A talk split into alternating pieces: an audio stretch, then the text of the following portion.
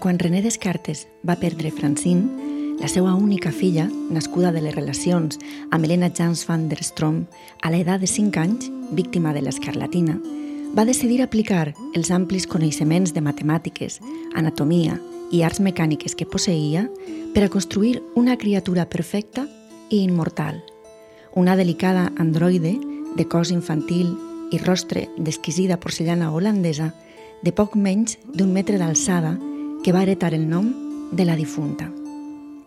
Conten que va ser un reconegut artista neerlandès, la identitat del qual mai no va transcendir, qui va pintar amb pigments naturals extrets de plantes silvestres dels Alps les refinades faccions de l'autòmat que recordaven d'una manera admirable estrets de la filla morta. Asseguren que el filòsof, des de la nit de març que aquells ulls de vidre es van obrir per primera vegada, no es va separar ni un instant de la seva inquietant creació i que, ignorant la seva naturalesa mecànica, li comentava projectes, li demanava el parer sobre qüestions matemàtiques i filosòfiques de complicada resolució, la seia a taula quan menjava i li xiuxiuejava cançons de Brest a cau d'orella per adormir-la.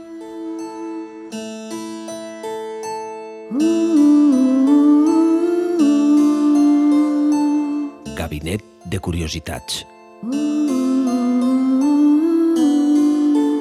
Amb Anna Moner.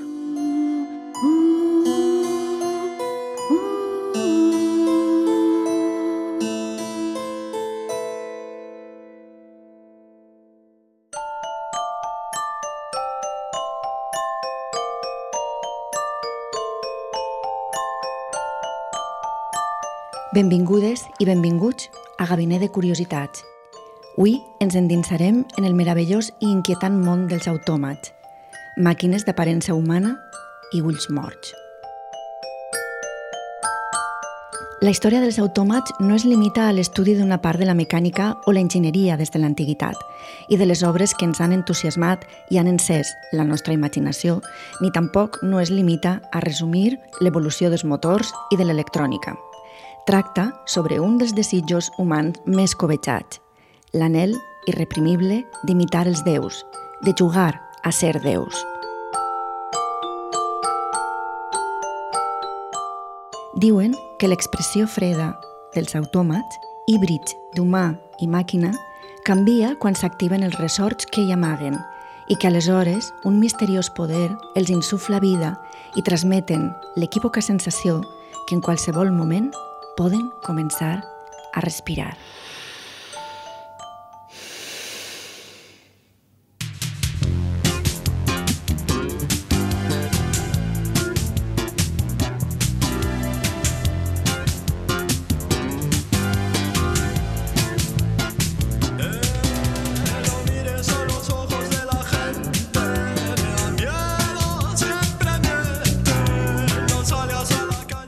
Breu història dels autòmats.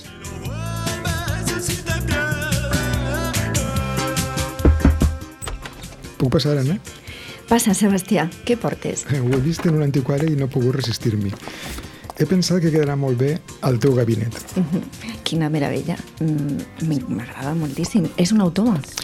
Sí, ara la posaré en marxa i veuràs. M'agrada molt. És una nina autòmat francesa del segle XIX que mou els braços com si, com si es ventara i fa una, una, fa una reverència. La col·locaré en aquella prestatgeria.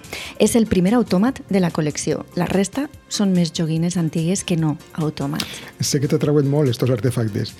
Hi ha qui afirma que els primers exemples d'autòmats es remunten a l'any 1500 abans de Crist, quan Amenhotep, germà mm -hmm. d'Apu, va manar construir una estàtua dedicada a Memnon, rei d'Etiòpia, una figura colossal que Sí. emetia sorolls quan la il·luminaven els primers rajos de sol. I l'any 500, a la Xina, Qin Su-tse va crear una garça de fusta i bambú que volava. Uns cent anys més tard, Arquites de Tarent, filòsof i científic de la, de la Magna Grècia, inventor del caragol i de la politja, també va idear un ocell de fusta que, segons conten, va arribar a volar gràcies a un sistema de contrapesos i a l'impuls d'un nucli de vapor comprimit. Mm, els grecs van inventar una gran quantitat de ginys destinats a la construcció, la navegació i la guerra. Maquinàries complexes que s'accionaven mitjançant palanques, rodes, eixos, politges i caragols. Maquinàries d'ús pràctic que els ajudaven en les tasques diàries. Tanmateix, la màxima expressió de la imaginació grega es va concentrar en uns artefactes sense finalitat concreta, artefactes amb capacitat de moure sols a partir de la imitació dels moviments dels éssers vius. Al segle I abans de Crist, el matemàtic i enginyer Heró d'Alexandria, anomenat Mecànicos, va concebre un gran nombre d'autòmats, dels quals mai no va revelar els secrets del seu funcionament perquè pretenia sorprendre els espectadors.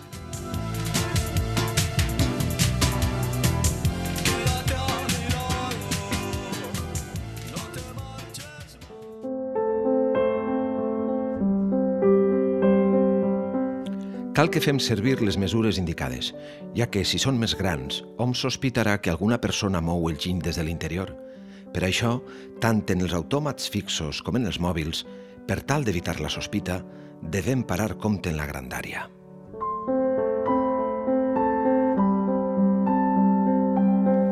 Algunes de les seues obres han perdurat fins l'actualitat. També alguns textos, com Pneumàtica, que tracta del funcionament de fonts, sifons i turbines de vapor. O com un altre titulat sobre la construcció d'autòmats, en què explica sobretot dispositius miraculosos per als temples. La majoria dels seus invents van ser pensats amb una finalitat religiosa, ja que alguns dels seus impressionants mecanismes obrien i tancaven les portes dels temples de tal manera que feien creure a aquells que ho presenciaven en la intervenció invisible d'unes mans divines. En realitat, s'activaven en l'ús de l'auia i la pressió. Però de totes les seues aportacions cal destacar els ocells d'Heró, mm -hmm. uns curiosos joguets que cantaven quan s'acostaven a veure. Sí, joguets sofisticats que evidencien el grau de perfecció que els grecs van assolir en la mecànica, la hidrodinàmica i l'artesania de precisió.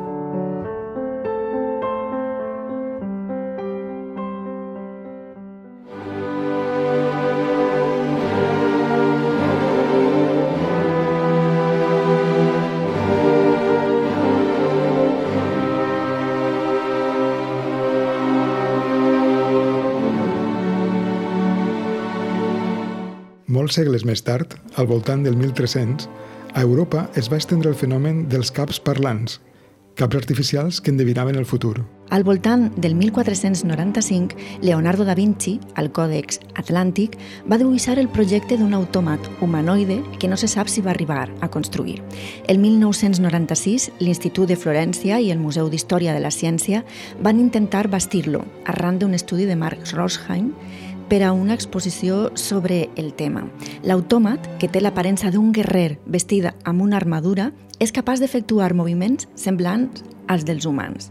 Asseure's, moure els braços, el coll i la mm. mandíbula. Una obra que, sens dubte, reflectís el grau de coneixement anatòmic de Da Vinci. Un coneixement adquirit mitjançant les disseccions que executava al seu taller amb cadàvers que aconseguia en el mercat clandestí. L'italià, el 1515, va crear un altre autòmat, un lleó mecànic de grandària natural, aspecte dòcil i cabellera arrissada, que caminava i després obria el pit per tal de mostrar un lliri un regal dels mercaders florentins i de Giuliano de Medici a Francesc I de França per tal de celebrar una nova aliança. Aquell dia, a Lió, el giny ideat per Da Vinci es va presentar al monarca francès. El lleó, símbol de la ciutat de Florència, va començar a caminar davant de la mirada atònita de tots els presents. Quan el rei, seguint les indicacions de l'artista, va fuetejar el pit de l'animal mecànic, es va obrir i va aparèixer una flor de lis, l'emblema de la monarquia francesa. Tot seguit, Leonardo va activar un mecanisme ocult en la crinera de l'animal i a l'instant, el felí va obrir de bat a bat la boca i va deixar caure un ram de lliris blaus.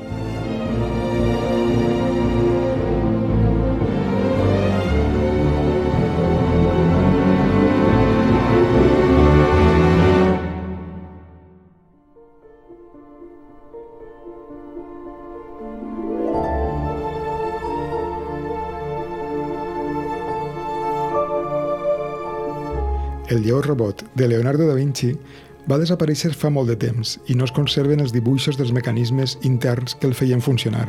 Tanmateix, el 2009, amb motiu d'una exposició dedicada al polifacètic artista del Renaixement, el fabricant d'autòmats Renato Boareto va recrear l'original.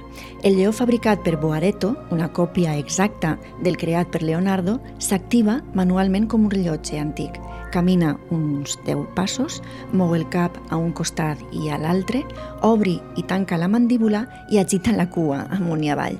I també cal que mencionem Giovanni Torriani, o Juanelo Turriano, com sí. se'l coneixia a la cort espanyola. Sí, un enginyer i inventor del segle XVI, nascut a Cremona, que va ser nomenat rellotger reial per Carles I i es va instal·lar a Toledo el 1534 i que va construir el Hombre de Palo, un autòmat de fusta vestit de monjo, capaç de caminar i moure el cap, els ulls i la boca. Durant el Renaixement i el Barroc hi va haver molt d'interès pels rellotges, ja que el món s'imaginava com un immens rellotge creat i mantingut pel rellotger suprem. Així és.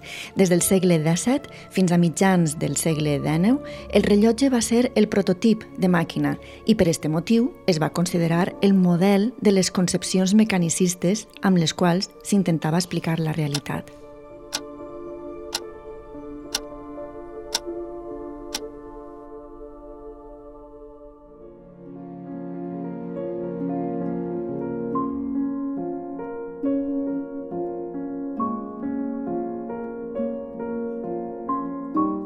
Francine, la filla autòmat de Descartes.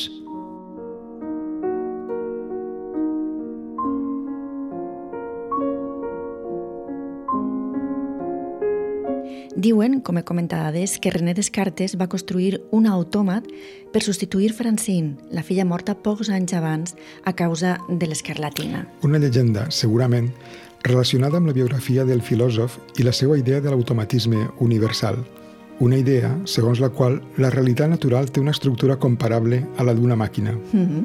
Per a Descartes, el pare de la fisiologia mecanicista, el funcionament de l'organisme viu podia explicar-se mecànicament, és a dir, en termes de matèria en moviment.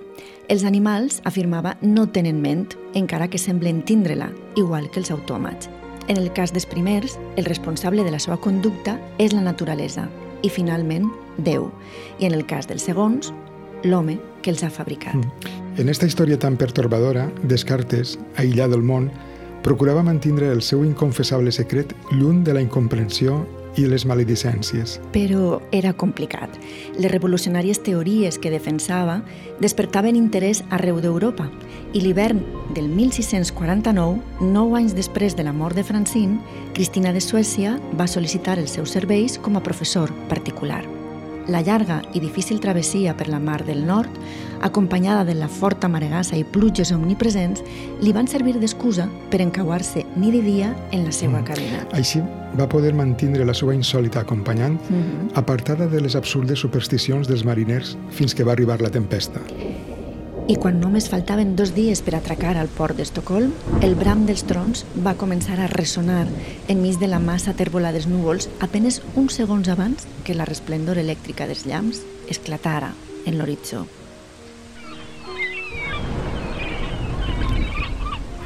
Les ones sacsejaven el buc amb violència i la intensitat del vent era tal que mentre dos homes intentaven governar el timó, els més agossarats de la tripulació s'enfilaven, àgils pels pals, arriant el velam com podien.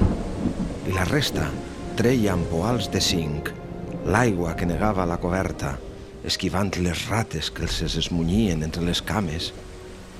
El capità, alarmat davant de la possibilitat d'haver d'abandonar la nau, va decidir avisar el misàntrop matemàtic. L'agitació pel perill imminent el feu entrar de manera abrupta sense avisar en la cabina, on descobrí Descartes gitat damunt del llit abraçant una nina. De sobte, l'autòmat s'incorporà, girà el cap vers el patró i parpellejar repetidament, deixant entreveure el gris opac de l'iris dels seus ulls. Aterrit per la visió d'aquella criatura demoníaca d'aspecte pueril, a la qual atribuí immediatament l'origen de la malastrugança que estava a punt de fer-los naufragar.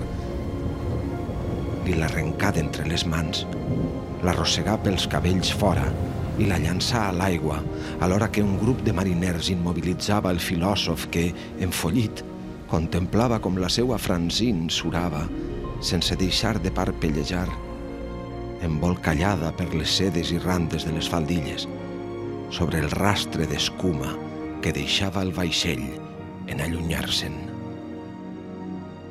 René Descartes, l'home que havia imaginat un món poblat d'éssers sense ànima, incapacitats per a pensar, encara que reproduïren fidelment cadascun dels moviments i comportaments dels humans, va morir a Suècia als 53 anys, quatre mesos després de la pèrdua de la seva filla artificial.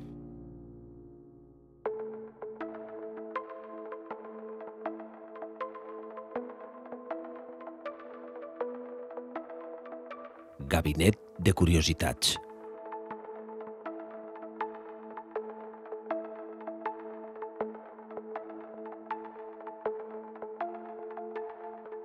Amb Anna Moner.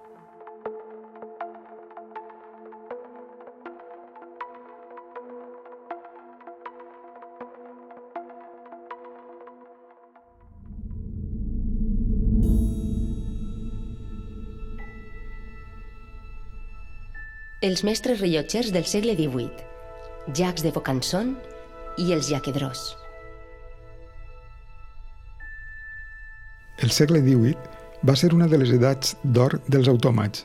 Afortunadament, una part de les teories radicals de René Descartes van trobar continuïtat en l'home-màquina una obra de Julien Offray de la Métrie, metge i filòsof francès de la primera meitat del segle XVIII, en què, malgrat que rebutjava el dualisme cartesià que oposava l'ànima al cos, insistia en la idea que la vida es redueix al moviment perpetu de sòlids i fluids i equiparava els ressorts orgànics amb els engranatges d'un rellotge. La filosofia maquinista i enciclopedista, que creia que l'automatització era fonamental per al progrés econòmic i social, va fer que al segle XVIII els autòmats adquiriren una nova dimensió. En esta època es va produir un auge extraordinari del gust pels autòmats androides d'alta tecnologia, més que no de gran riquesa o aparat. Calia una gran perícia per part dels seus creadors per a aconseguir que tocaren música, caminaren, escrigueren o dibuixaren. Així li ho explica a Hugo, el seu pare, un mestre rellotger parisenc, en la pel·lícula que tinc així, la invenció d'Hugo, de Martin Scorsese, la del 2011. ¿Qué es? Es un autómata, como a una caja de música. Este es el más complicado que he visto nunca, con diferencia. ¿Sabes? Este... Este... puede escribir. Los magos usaban máquinas así cuando yo era pequeño. Unos andaban, otros bailaban, algunos cantaban, pero el secreto estaba siempre en el mecanismo de relojería. Oh, mira esto.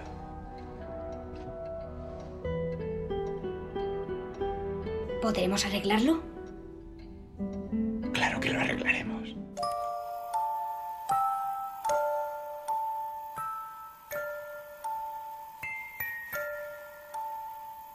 Jacques de Vaucanson, nascut a Grenoble el 1707, i el prestigiós rellotger suís Pierre Jacques Dross, uh -huh. inspirats per aquesta provocadora analogia, van combinar els seus coneixements de matemàtiques, anatomia, disseny i enginyeria per tal de construir alguns dels exemplars més vells, complexos i famosos que han existit mai. Sí, de les mans de Bocanson van sorgir Le Canard d'Igegater, que era un ànec de bronze i cos de vidre que deixava a la vista un acurat dispositiu que recreava el principi biològic de la digestió. Batia les ales, bevia auia, menjava gra i finalment defecava. I també va construir el faune flautista, una estàtua de fusta de proporcions humanes recoberta d'una tela que simulava la textura de, de la pell i que amb una llengua d'argent, una tràquea i uns pulmons artificials controlava el flux de l'aire al mateix temps que tapava amb els dits els orificis de l'instrument. Uns anys després, entre el 1750 i el 1830, els Jacques Dross, una família de rellotgers del cantó suís de Neuchâtel, va marcar la pauta de la producció europea i mundial de rellotges de pèndol. Encara avui, l'obra mestra del pare, Pierre-Jacques Dross, l'escriptor, amaga dins del petit cossatge el màxim perfeccionament d'un arbre de lleves. És una màquina d'escriure autònoma i programable, prenyada d'engranatges i ressorts, més de 6.000 peces miniaturitzades que permeten a un impassible nen de mirada absent i maneres correctes, que seu en un senzill pupitre, mullar la ploma en el tinter, després de fer com si pensara, escórrer la tinta sobrant per tal de no tacar el paper i escriure textos breus gràcies a una roda integrada en el seu esquelet metàl·lic que selecciona els diferents caràcters de manera seqüenciada. Mm. A més, el suís va confeccionar, amb l'ajuda del seu fill, una altra meravella.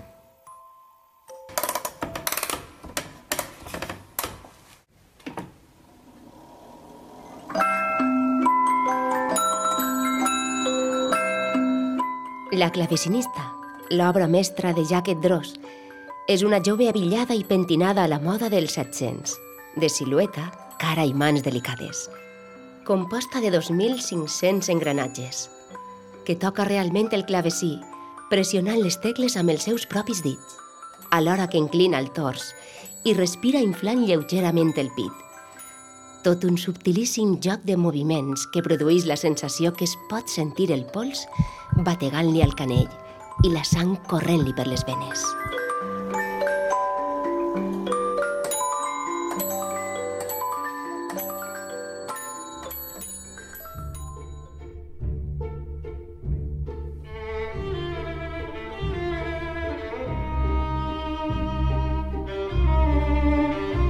L'exposició pública d'estos prodigiosos ginys despertava una gran expectació en la societat il·lustrada del moment. Hmm, una admiració nodrida per la sensació confusa que genera l'animació d'allò que és inorgànic, una rara mescla d'atracció, estranyesa i recel. Els exquisits tresors de Jacques Dross viatjaren durant anys pel continent europeu. El 1789 van ser venuts a un comerciant francès instal·lat a Madrid que volia exhibir-los. Tanmateix, la revolució i la invasió napoleònica li ho van impedir i al final van fer cap a París, on es van exhibir al Museu de les Il·lusions, un circ tecnològic que es va portar a Àustria, Alemanya i Dinamarca. El 1906, la Societat d'Història del Cantó de Neuchâtel els va comprar i els va instal·lar al Museu d'Història, a Suïssa, on estan exposats després de passar totes aquestes nombroses vicissituds junt amb el dibuixant, un androide molt semblant al nen escriptor que té la capacitat de dibuixar. Mm. Els autòmats de Neuchâtel són enginys mecànics que voregen allò sinistre, mm. perquè davant seu tenim la sensació que a l'interior, enmig de complicats dispositius, existeix alguna cosa humana. Igual que ocorre amb Copelia, l'automat del conte titulat L'home de l'arena, d'Ernst Theodor Amadeus Hoffmann, publicat el 1817.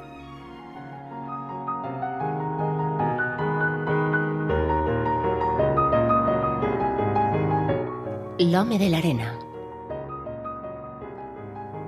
la concurrència era nombrosa i distingida.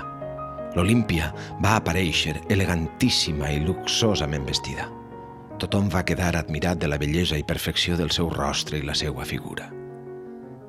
El curiós encorbament de la seva esquena semblava estar causat per l'excés de força amb què s'estrenyia la seva subtil cintura de vespa.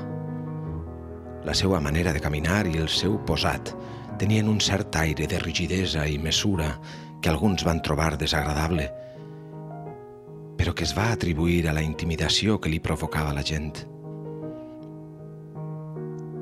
Va començar el concert.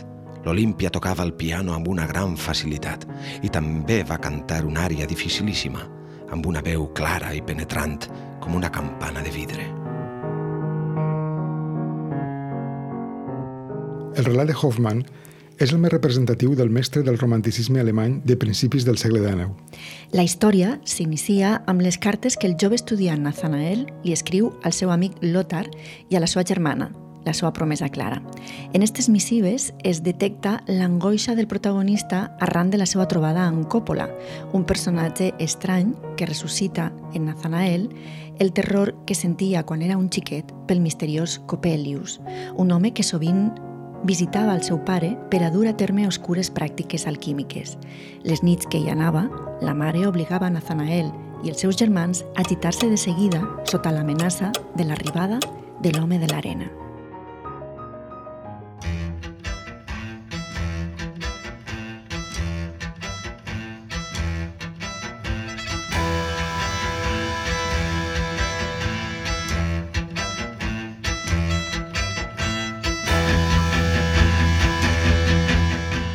Jo sempre el sentia pujar l'escala, ple de curiositat per saber detalls d'aquest home de l'arena i de la seva relació amb nosaltres, els nens.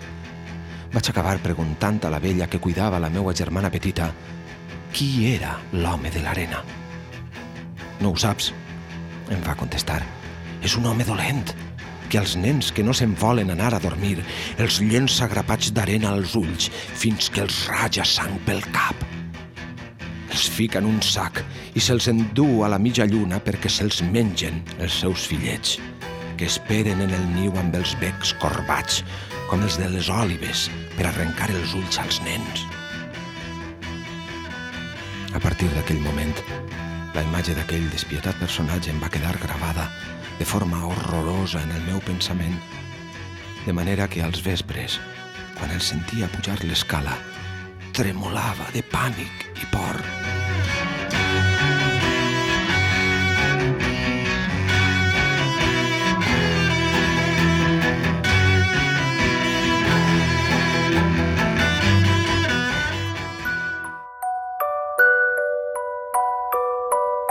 Molts anys després, Nathanael es retroba en Coppelius, l'home de l'arena de la seva infantesa. I que ara es fa anomenar Coppola i ha canviat les pràctiques alquímiques pels avanços en la tecnologia mecànica. Coppola col·labora amb Spallanzani, un professor de, de física que ha aconseguit fabricar una autòmat perfecta, una jove d'uns 16 anys que fa passar per la seva filla Olímpia. Mm, I Olímpia captiva Nathanael des del primer moment. L'altre dia vaig pujar l'escala de casa Spallanzani i vaig observar com la cortina estava correguda cap a un cantó i deixava veure una escletxa. Ni jo mateix sé com se'm va acudir mirar, empès per la curiositat, a través de la porta.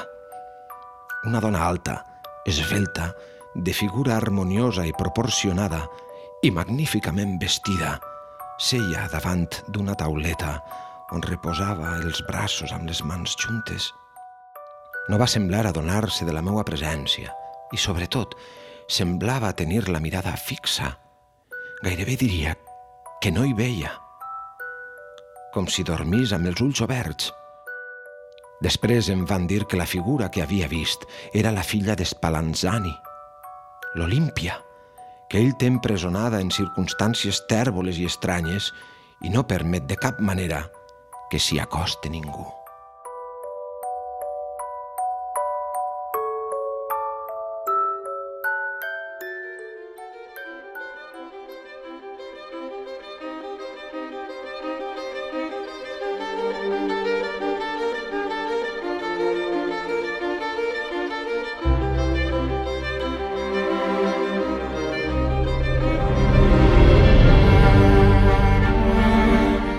Nathanael desitja ballar amb Olímpia i quan ho aconseguís, ignorant que es tracta d'un autòmat, s'enamora perdudament d'ella. I balla amb Olímpia, balla amb un autòmat igual que ho fa Giacomo Casanova en la pel·lícula de Federico Fellini dedicada a este personatge. En Il Casanova, estrenada el 1976, Donald Sutherland balla amb una delicada nina de grandària natural, de cara de porcellana i llavis de color cirera. Un ball prenyat d'erotisme en què el director italià va representar a la perfecció l'atracció tèrbola i morbosa que desperten aquestes figures mecàniques d'aparença humana. Casanova, en l'ambient hostil de la cort de Württemberg, esgotat per les desil·lusions i fracassos, ataulla una nina a la qual estan ofenent i va en defensa seua. Al contrari que Nathanael, Casanova sap que és de fusta, però fingís que l'atrau la seva bellesa perquè almenys ella no el menysprea. Al final, Casanova la posseís. També és cert que a finals del segle XVIII els homes, i sobretot les dones, vestien robes aparatoses que els conferien cert aire de rigidesa sí. i moviments similars al d'un artefacte mecànic. Fins i tot, activitats que requerien certa agilitat, com la, com la dansa, evidenciaven la limitació dels moviments de les dones i en propiciaven altres més lents i mesurats característics dels, dels autòmats.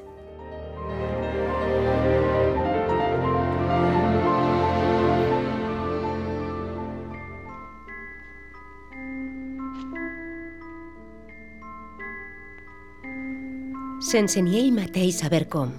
Quan el ball ja havia començat, es va trobar al costat d'Olímpia, a qui ningú encara havia tret a ballar, i ell que amb prou feines era capaç de balbucejar quatre paraules, li va agafar la mà. Estava glaçada i Nathanael es va sentir sacsejat per un fred espantós. La va mirar fixament als ulls i en aquell moment va ser com si la seva mà freda comencés a batre el pols i la sang de la vida li bullís per les venes. També Nathanael es va sentir abruixat per la sensualitat. Ell pensava que havia ballat portant perfectament el compàs, però la solidesa rítmica amb què ballava Olímpia, que l'havia obligat a aturar-se més d'una vegada, el va fer adonar-se més aviat del contrari. Però ell no desitjava dansar amb cap altra dona i hauria assassinat allà mateix el primer que s'hagués acostat a Olímpia per convidar-la a ballar.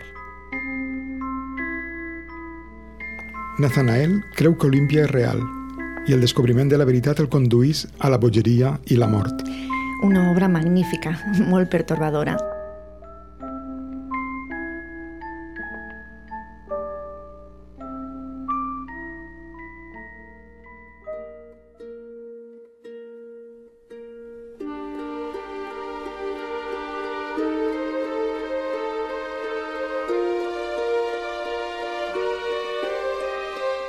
Hoffman es va guanyar la vida com a jurista, però mai no es va conformar amb ser només un funcionari de l'Estat i va practicar diferents disciplines artístiques. Moltes disciplines artístiques.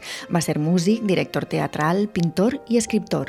En l'actualitat es coneix sobretot en la seva faceta literària i la valoració dels seus escrits ha anat en augment a mesura que els estudiosos han desvelat la, la profunditat d'uns contes plens de personatges contradictoris i enigmàtics que freguen allò que sinistre, allò que atrau i inquieta. Unes històries que ens enfronten a les pors i les obsessions que ens assetgen i poblen els nostres somniatges. En els autòmats del 1814, Hoffman mostra una vegada més la fascinació i l'estranyesa que li desperten les figures mecàniques i centra la trama en la d'un jugador d'escacs anomenat el Turc.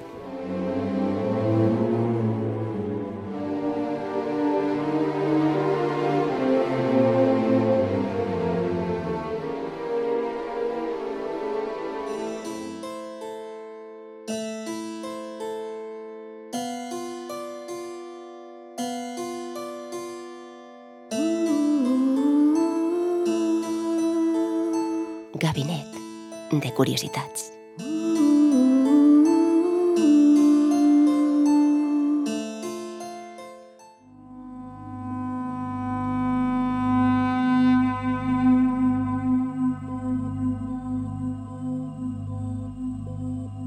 Wolfgang von Kempelen i el turc.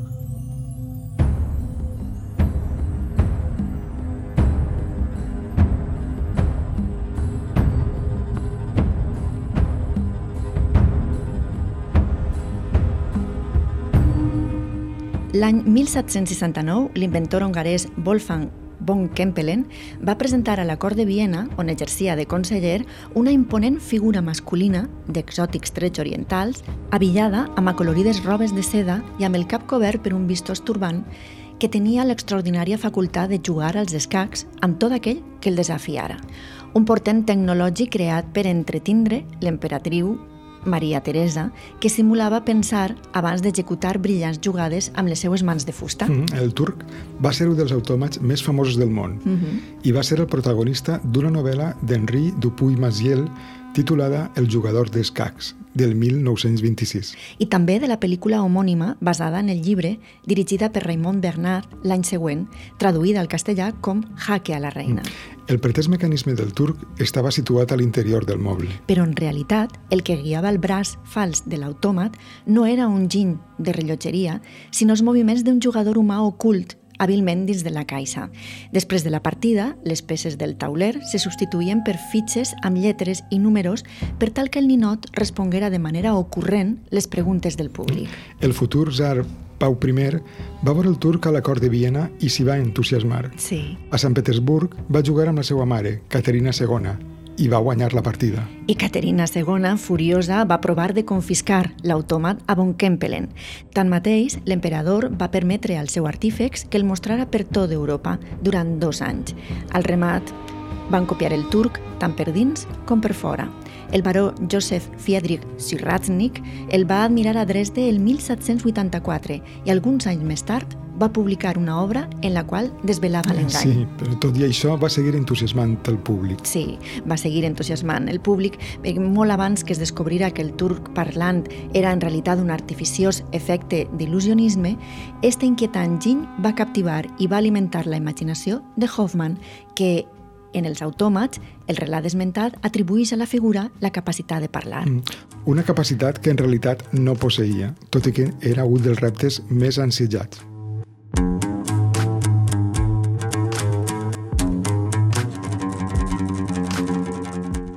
El turco parlante había causado tal sensación que la ciudad entera estaba en movimiento.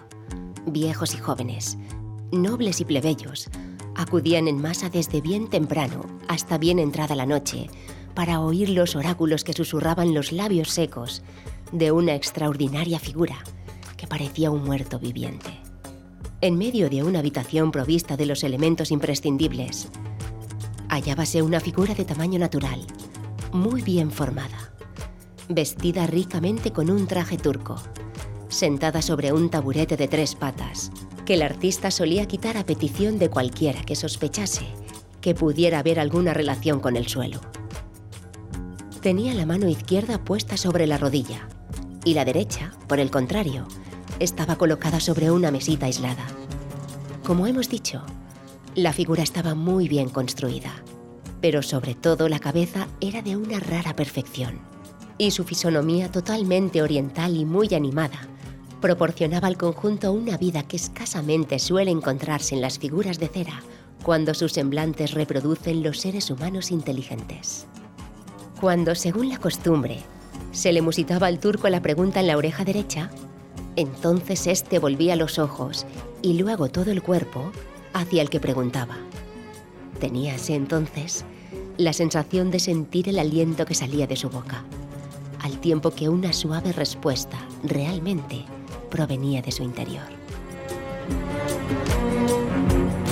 Mira, a l'inici del relat, Hoffman invoca directament el Macbeth de William Shakespeare quan Ludwig exclama davant del turc parlant «Què mires amb uns que no veuen?»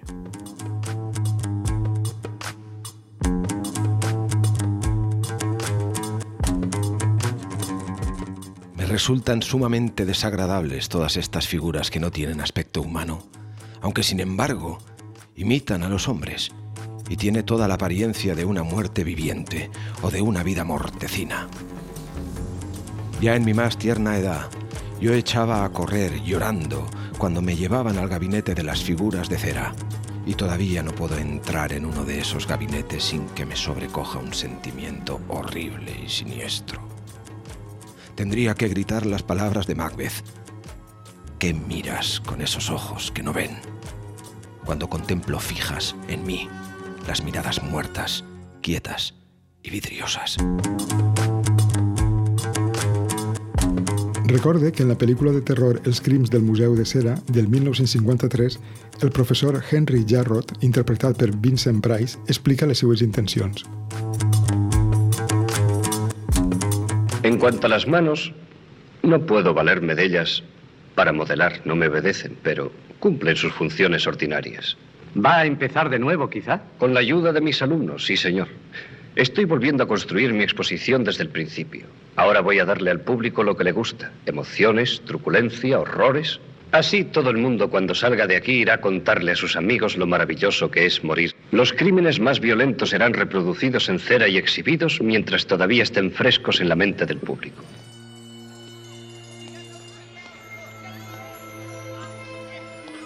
La veritat és que la pregunta de Macbeth fa palesa una atracció i un horror ancestrals, un cúmul d'emocions ambigües i incòmodes que la directora nord-americana Penny Marshall va ressuscitar en la seva pel·lícula Big del, del 1988 protagonitzada per Tom mm. Hanks. Penny Marshall va crear Soltar, una extravagant màquina de fira, un bus d'home amb trets orientals i un turbant al cap que endevinava el futur. Mm -hmm. I acomplia els desitjos de tot aquell que s'atrevira a introduir una moneda i premer el botó. Quan un jove de 13 anys va expressar el seu desig de ser major, els engranatges van començar a sonar La boca de Soltar es va obrir i els ulls se li van il·luminar. L'endemà, el xiquet es va transformar en un home d'uns 20 anys. Make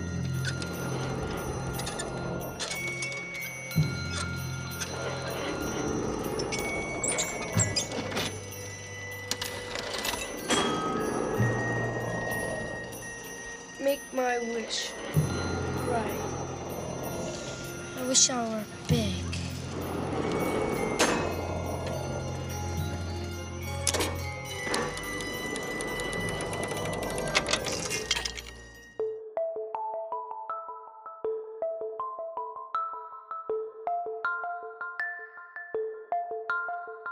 Gabinet de curiositats.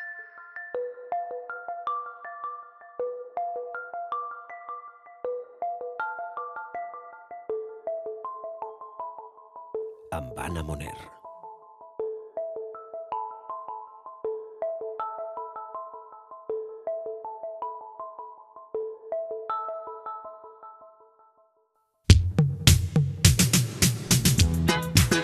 La visita.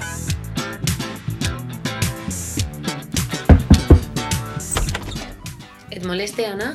Hola, hola, Sandra Aragó. Passa, no molestes gens. Sebastià i jo estem escoltant golpes bajos i parlant d'autòmats.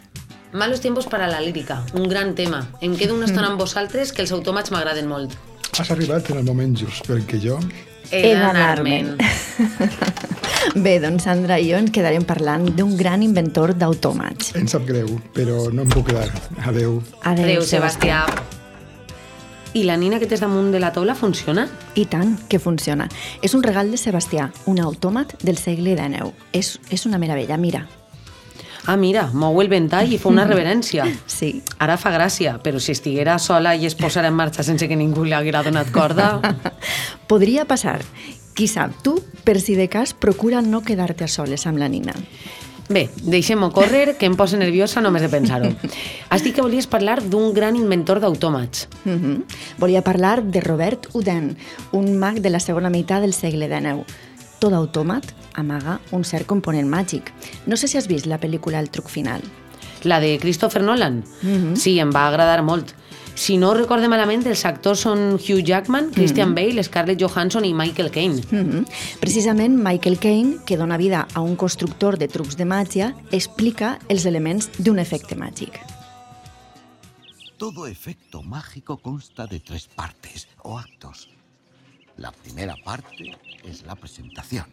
El mago muestra algo ordinario, una baraja de cartas, un pájaro o una persona.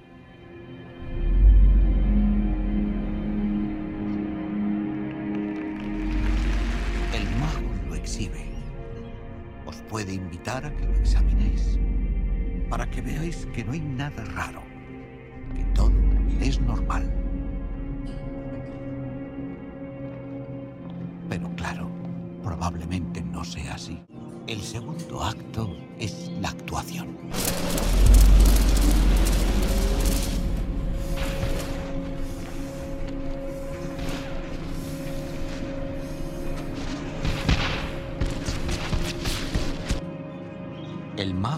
Eso que era ordinario,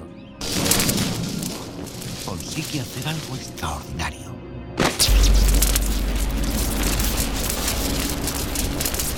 Entonces intentaréis descubrir el truco, pero no lo conseguiréis, porque en el fondo no queréis saber cuál es.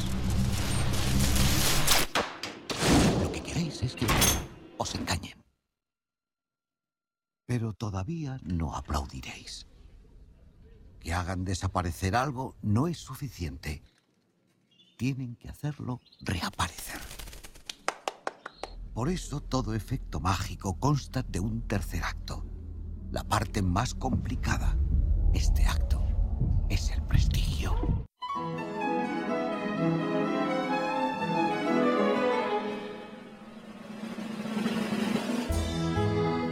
I qui era Robert Houdin?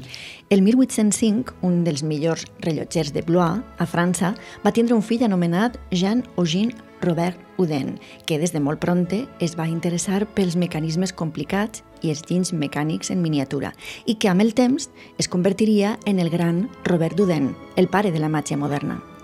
I com es va introduir un rellotger en el món de l'il·lusionisme?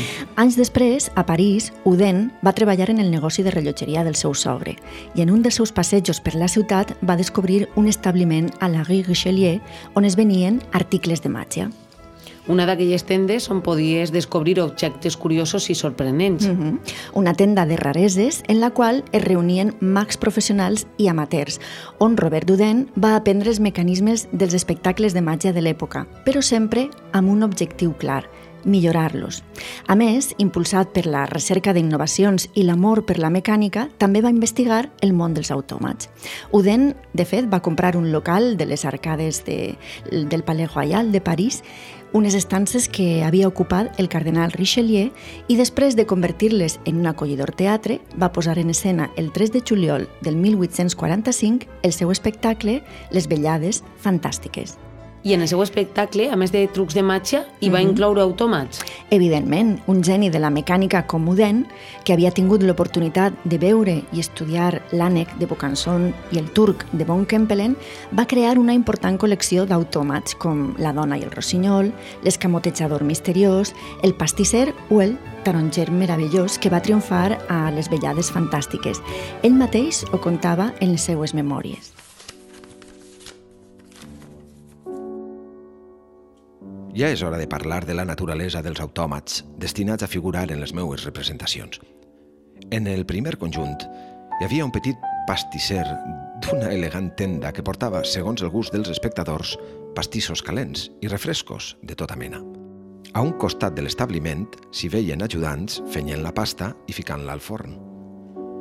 Un altre representava els clowns Auriol i Devereux, aquest últim sostenia amb els braços una cadira en què el seu jocós camarada feia salts, evolucions i jocs de força que recordaven els de l'artista de circ dels Camps Elisis.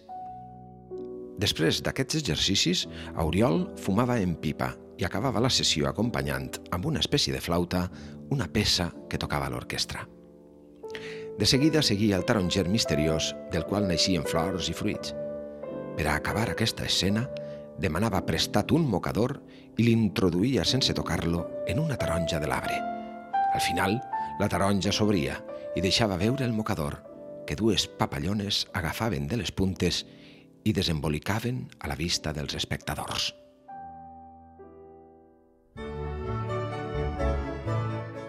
Recorda haver vist l'autòmat del taronxer màgic en la pel·lícula L'il·lusionista. Mm -hmm, la de Neil Barger, del 2006. En el film Einstein, que és un prestigiós mag, demana un mocador de seda i un anell a una espectadora. Embolica l'anell amb el mocador i de manera màgica ho introduís tot dins d'un ou i després dins d'una taronja. Exprimís la taronja als peus de l'arbre i aleshores creixen fulles i taronges que repartís entre el públic. També incorpora l'efecte final que arrodonís la rutina màgica. Obri una de les taronges i dins apareix el mocador amb l'anell de l'espectadora cosit al centre.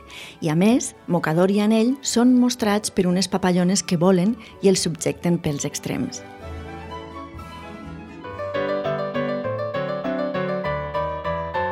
Per a tu, quina va ser l'obra mestra de Robert Houdin? Quin va ser l'autòmat estrella de la seva col·lecció? Mm. Sens dubte, el cèlebre Antonio Diabolo, un graciós trapezista d'uns 40 centímetres de faccions infantils que anava vestida amb una jaqueta roja, uns pantalons bombatxos de color verd i un graciós barret també roig, i que executava somrient una increïble rutina a moviments suaus i precisos. Quan el públic deduïa que Antonio Diabolo podia executar tots aquells volantins per la connexió entre les mans i la barra del trapezi, l'autòmat s'amollava i es recolzava d'esquena sobre la barra en un perfecte equilibri. I encara existeix Antonio Diabolo? Sí, encara existís. Cap al 1980, un mag actual, fascinat per Robert Duden, el va restaurar i ara Antonio Diabolo torna a sorprendre el públic de tot el món executant la mateixa rutina que feia a París a mitjans del segle XIX. I ara se sap com funciona? com i que controla l'autòmat quan s'amolla de la barra? Per on es connecten els mecanismes interns? Jo No ho explicaré, perquè Antonio Diabolo no és sols un autòmat, sinó un objecte d'il·lusionisme i, per tant, a més de ser una enginyosa i delicada maquinària, oculta un truc de màgia, una combinació d'il·lusionisme i mecànica que el fa únic. Si cerques a internet, pots veure'l executant la rutina al trapezi.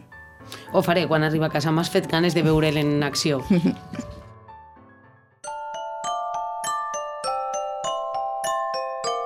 El món dels autòmats desperta una fascinació especial.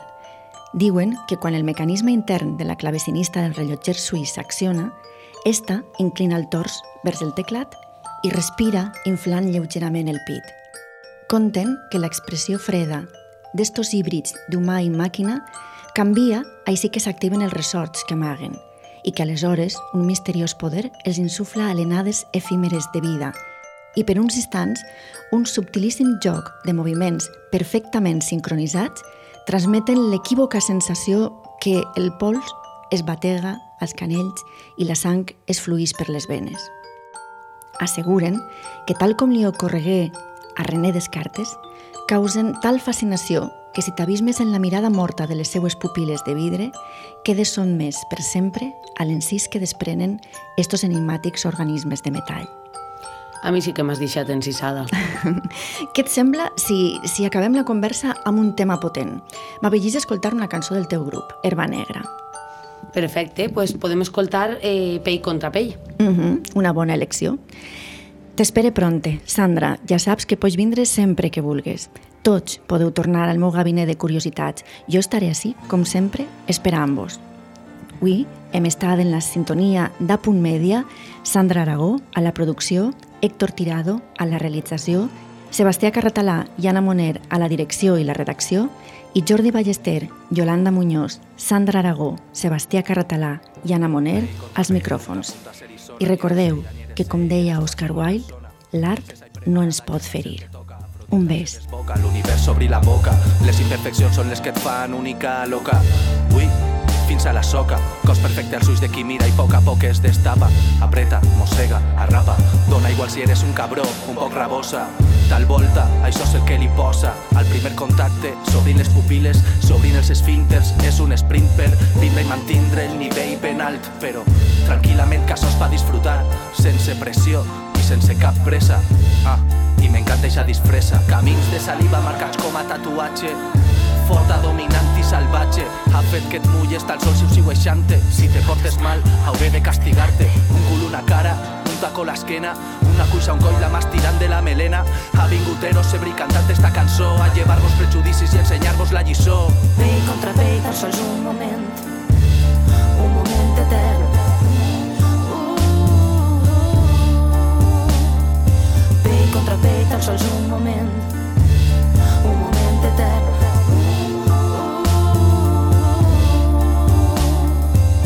fora sol, per dins tempesta, fora de control un grup d'hormones es manifesta. No importa la resta en aquesta equació. Acció, reacció, acció, reacció. Persones posseïdes sotmeses a la luxúria, plenes d'entusiasme i generositat, ensegades pel desig, descontrolades per la fúria, submergides en atmosfera de plaer, el temps està parat. Puta química no s'explica, al llom d'una bèstia mitològica, som tu i jo fugint de l'eròtica típica. Xic, xica, xic, xic, xica, xic, xica, xica Entre llençols de seda, benvinguda amable.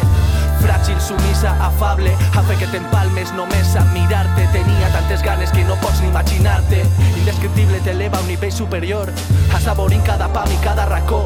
Lligas a silicona, fusta, arnès Mordassa succiona i no t'assusta res És el moment en què s'oblida tot. No penses en res i s'acaba el món S'accelera el pols mentre Venus et mira Directament als ulls agafa aire i respira. Ara inspira. Ara expira. Ara inspira. Ara expira. Ara inspira. Ara expira. Ara inspira. Ara expira. Pell contra pell